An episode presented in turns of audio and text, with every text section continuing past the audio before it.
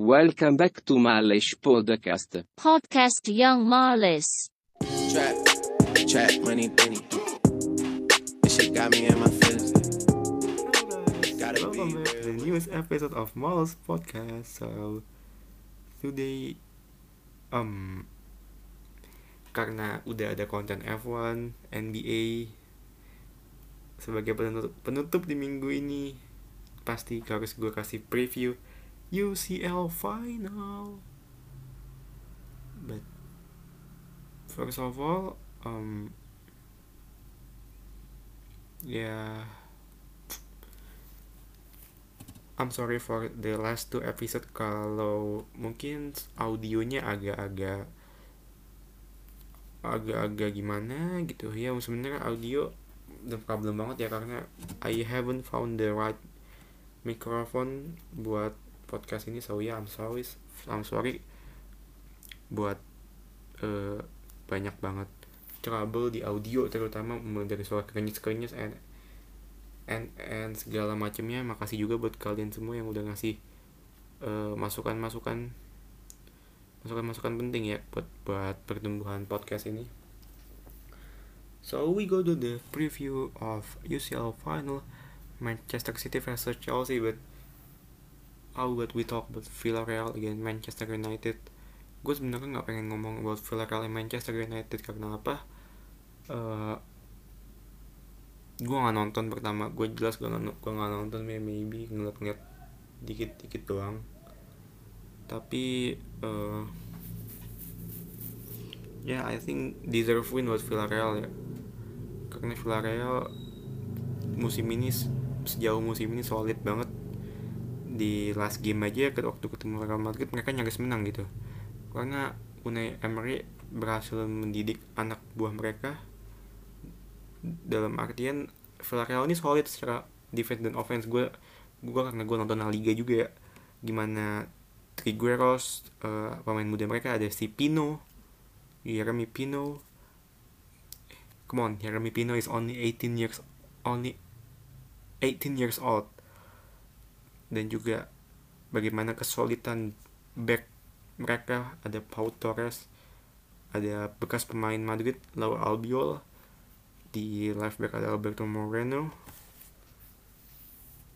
Dan juga soal eh, transisi kiper ya transisi kiper. Mereka dari Sergio Asenjo ke Geronimo ke Geronimo Rulli jadi Villarreal Villarreal ngapa menurut gue deserve eh, deserve juga buat win ya karena mereka sejauh musim ini solid dan mereka permainan mereka itu bukan tipe permainan tim-tim eh, mereka itu bermain bukan gaya tim-tim papan bawah ya. They really play kayak tim-tim bintang dan Emery berhasil ngebangun itu mereka mereka kalau bermain eh, ya maybe secara possession suka kalah tapi mereka bermain kayak seperti tim-tim big seperti tim-tim besar pada lainnya. Itu keheb yang itu gue sangat salut dari Unai Emery Manchester United eh, maybe di game kemarin mungkin karena Bruno nggak dapet support ya dari Tomine or Pogba kurang mendapat. So ya padahal ini eh, chance yang amat terbuka lebar bagi Ole buat ngedapetin gelar pertama dia but ya he failed. Tapi masih ada tiga. Kalau nggak salah Ole diperpanjang kontrak 3 tahun sama Ed, sama Ed Woodward di MU uh, we see we gonna see gimana proses MU ini ke depan gimana. Kes buat gue maybe Ole oleh Gunnar Solskjaer ini bukan pelatih yang terbaik buat MU sekarang but he's the right one to handle Manchester United sekarang. Mungkin dia bukan yang terbaik tapi dia yang paling tep tapi dia yang paling tepat untuk sekarang. Dan perlu diingat juga MU nggak MU nggak main full team ya. Captain mereka Harry Maguire nggak bisa bermain. So ya. Ba- kita jangan lama-lama di eh, Manchester United against Villarreal. Kita langsung ke preview Manchester City against Chelsea. Eh, dua pertemuan pertama Tuchel against City berlangsung bagus ya. Uh, di mana Tuchel bisa menang. Pertama di semifinal FA Cup dan juga um, Premier League di match week yang keberapa gitu. Chelsea after ditinggal Lampard bener-bener nunjukin apa ya nunjukin yang something yang fresh gitu dari cara bermain mereka. Mungkin kalau dia era, era Lampard sebenarnya we talk about direct football. Lampard nerapin direct football Tuchel for me juga nerapin direct football. But Lampard itu sering banget maksa pemain untuk wide untuk melebar melebar melebar sehingga uh, lebih Lampard itu tipe pelatih yang suka ngandelin individu pemain ya secara indi, pemain secara individu. So ya yeah, but Lampard pun juga pilih-pilih kasih juga menurut gue Lampard. Jadi udah dia yang sangat mengandalkan individu pemain dan juga doyan milih-milih pemain. Dan makanya uh, dia lebih milih pemain Inggris yang di mana mungkin kurang ini ketimbang pemain-pemain lain tapi dia malah milih itu. So ya yeah, I think Lampard mesti banyak belajar juga ya. Karena maybe secara taktik oke okay, he play direct football but dia terlalu sering ngandelin skill atau individu pemain dan itu yang berbeda di era Tuchel.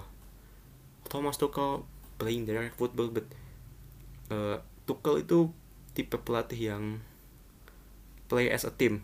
Kelihatan banget waktu lawan Madrid Real Madrid di semifinal UCL di mana N'Golo Kante selalu bisa jadi extra man, extra striker maybe atau extra forward ketika membantu seorang Chelsea. Gak cuman Kante maybe kadang-kadang Jorginho tapi Jorginho gak sebagus Kante ya dalam hal uh, membantu serangan. Ya karena secara fisik Kante jelas lebih kuat. Tapi bagaimana pemasangan Kai Havertz sebagai false nine. Ya Timo Timo Werner ya Timo come on. Ya Timo emang mungkin kita jarang ngelihat bagaimana positioningnya Timo Werner ini. Menurut gue sangat classy banget ya bener-bener bagus banget positioningnya Timo bagaimana dia bisa menemukan ruang-ruang di antara back. Tapi ya finishing penting. Ya finishing ya mau nggak mau loh ya finishing itu sangat penting ya. So for me Timo doesn't bukan pemain bukan pemain jelek. Positioning dia menurutku sangat bagus teknik mencari ruang dia bagus. Ya kok tapi kalau dibandingin sama Oliver Giroud ya jelas Giroud tapi the plus point of Werner dia punya kecepatan dan itu yang gak dipunyai oleh Giroud. Giroud maybe smart striker pemain nomor 9 yang pintar tetapi dia nggak punya dia nggak punya speed kayak Werner kayak Timo. Dan itu yang gue rasa Tuchel sangat ingin dari dia. Walaupun finishing sangat PR banget ya buat Timo Werner. Dan juga uh, forwardsnya Chelsea ini kan sekarang ada energi baru ada oh, energi maksud gue uh, lebih apa ya? Lebih kayak how to say it fresh leg bukan fresh leg sih pemain yang musim lalu didatengin Christian Pulisic ini menurut gue pemain yang penting banget di era Tuchel. For me ya secara pribadi Pulisic ini pertama secara skill dia kuat speed ada terus pemahaman dia kapan dia harus uh, wide kapan dia harus lebih narrow sprintnya. Itu yang gue sangat kagum dari Pulisic di mana dia bisa si Pulisic ini bisa ngikutin kemauannya Tukel entah Tukel lagi mau main 3421 atau 3142 atau ya, sebe ya begitulah.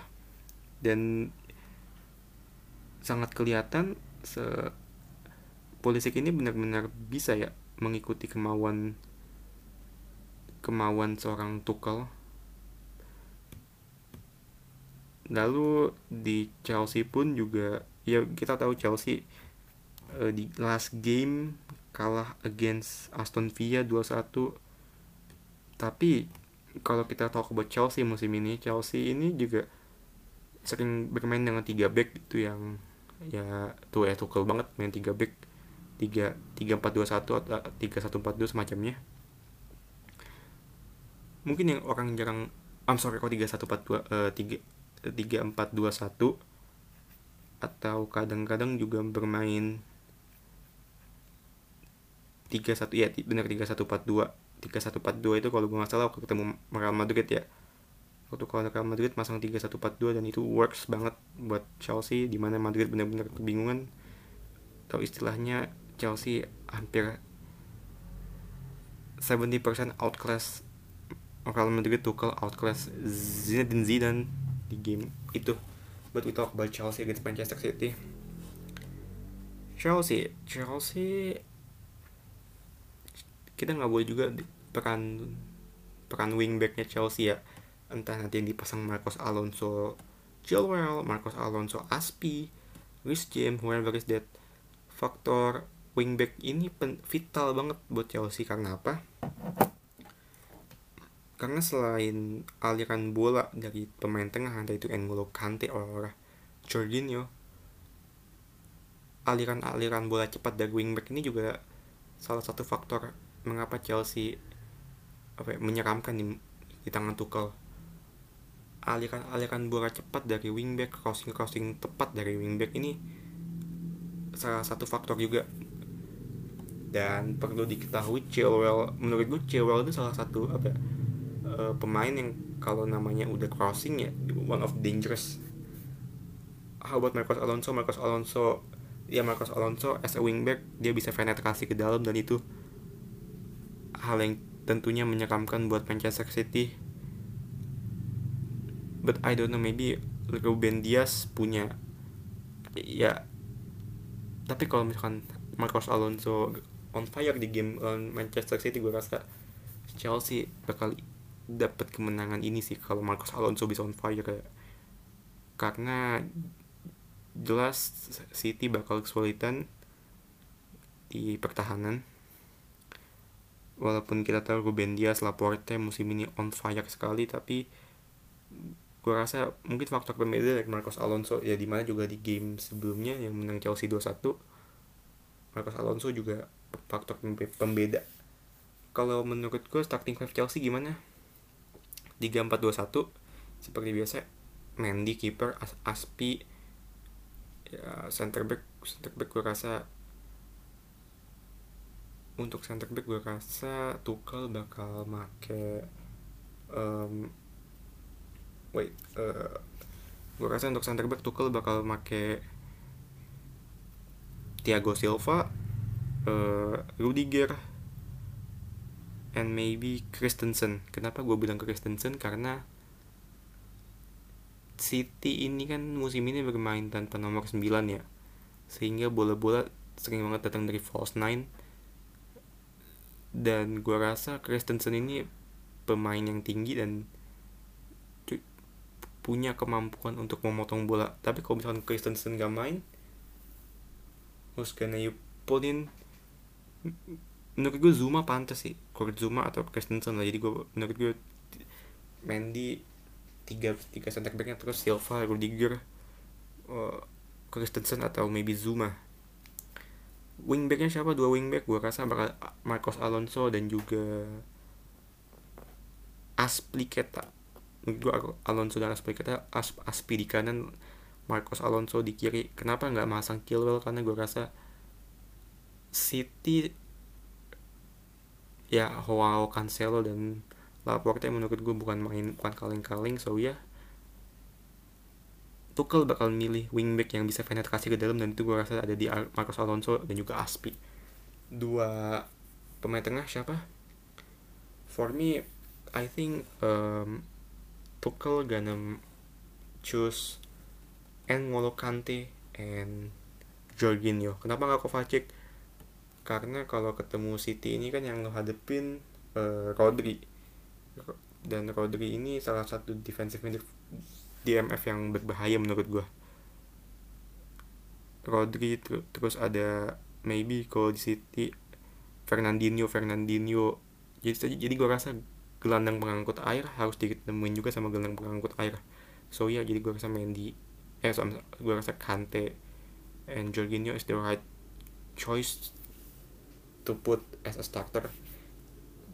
Dua pembantu striker siapa? I think gue sebenarnya pengen ngeliat Mason Mount ya tapi gue rasa kalau ketemu City I think Hakim Ziyech gonna be as starter karena Ziyech ini uh, passingnya itu dia pintar banget nyari nyari ruang dan itu yang dibutuhkan ketika lawan City bukan kecepatan bukan juga uh, bukan bukan bukan bukan bukan kecepatan sih gue rasa ketemu City lebih kecerdikan dan kecerdikan tuh gue rasa ada di Hakim Ziyech. Hakim Ziyech dan Pulisic jadi gue rasa maka Tuchel bakal pakai Hakim Ziyech dan Pulisic. Mason Mount ke mana? Mason Mount Mason Mount Hartford gimana? Mereka gue rasa bakal dipakai as a bench sih. Maksud, maksud gue karena Mount pemain muda dan gue nggak yakin mau gue maksud gue tekanan di final itu kan berbeda. Dan Ziyech udah pernah ngerasain di mana di Ajax mereka kena comeback Spurs. So iya yeah, I think secara mental Ziyech lebih siap. Pulisic gue rasa lebih siap. Dia udah musim kedua di Chelsea. Main depan siapa? Striker Timo Werner pasti. Kok nggak Giroud uh, I know Giroud is the tapi kalau gue rasa Tuchel ingin bermain lebih cepat ya bermain bola-bola cepat dan gue rasa pemain yang punya pace siapa? Just Timo Werner jadi gue rasa Timo dengan dibantu oleh kecerdikan Hakim Ziyech dalam dalam mencari ruang dan Pulisic dalam hal mengobrak-abrik atau mengeliminasi satu dua pemain gue rasa bisa dipasang untuk mendobrak, mendobrak City. Di City oke okay, we talk about City. City juara musim ini juara Premier League musim ini setelah musim lalu si Liverpool. Di last game ketemu Chelsea mereka main 3-1-4-2 um, 3142 di mana ada Nathan Ake di situ ya. Tapi kalau ketemu Chelsea menurut gue gimana? Menurut gue uh, Man City bakal bermain maybe um, squadnya mirip kayak waktu lawan Everton, ah, waktu lawan ya waktu lawan Everton kemarin ya. Gue kira gue rasa formasi 4-3-3 akan diterapkan oleh Pep Guardiola. Ya seperti biasa kayak Walker uh, Yo Kyle Walker, Joao, Joao Cancelo, and wait wait wait I'm sorry, uh, Kyle Walker, maybe gue rasa Kyle Walker, Ruben Dias, Laporte, and then left back uh, left back bisa dipasang siapa aja lah. Ya whoever is that. Maybe Zinchenko.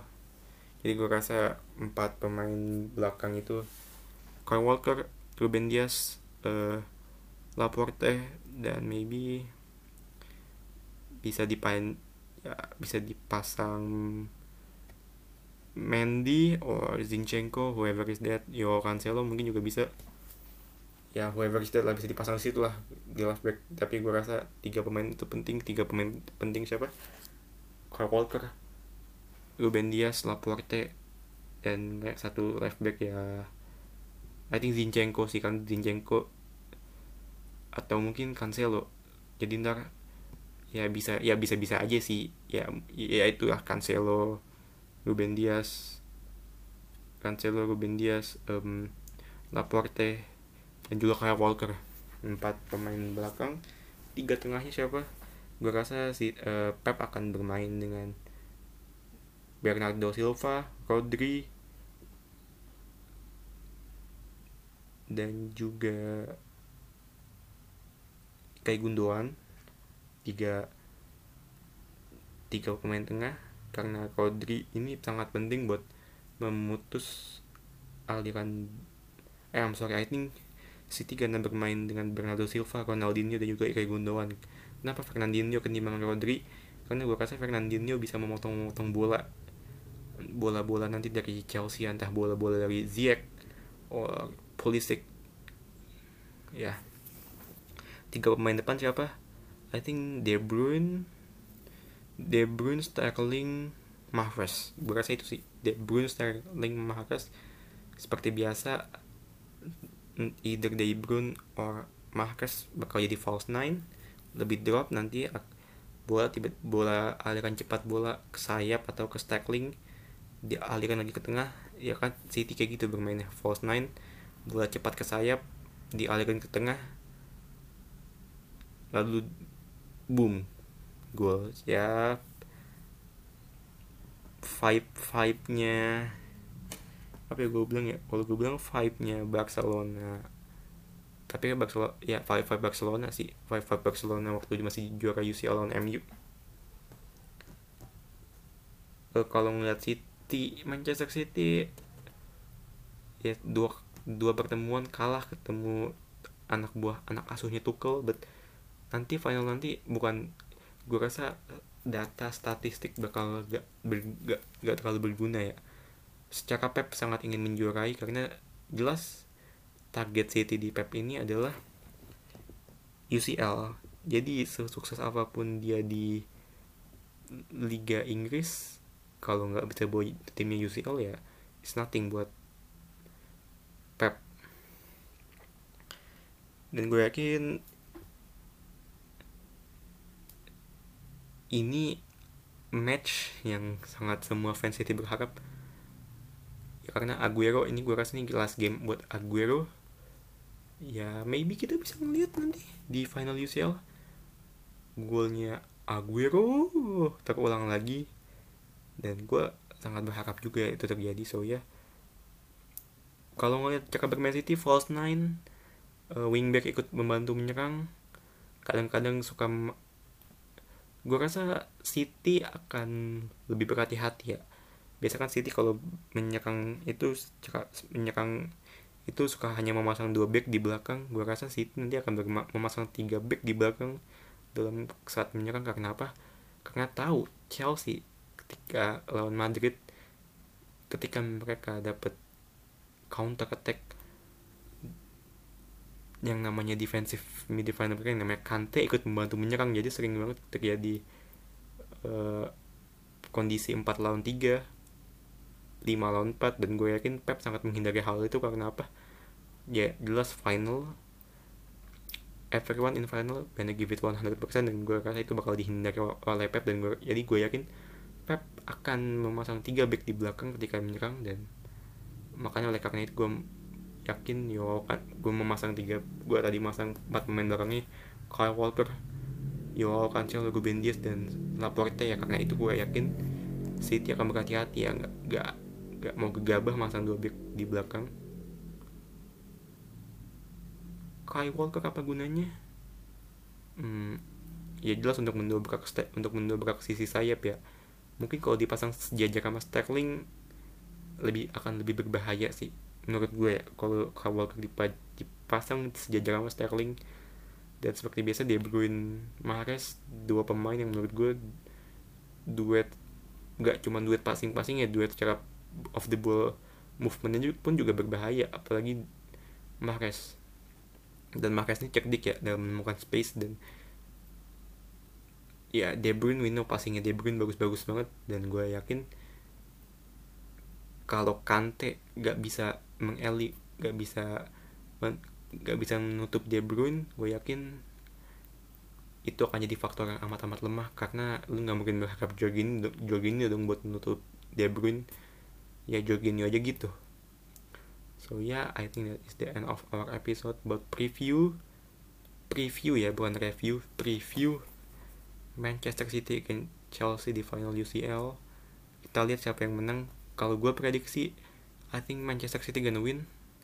2-0 maybe 2-1 dan ya begitu. Mungkin 2-0 2-0 gue gue megang 2-0 buat City atau mungkin 2-1 kita kembali lagi di episode nanti di review after match. Oke okay, guys thank you for listening and bye bye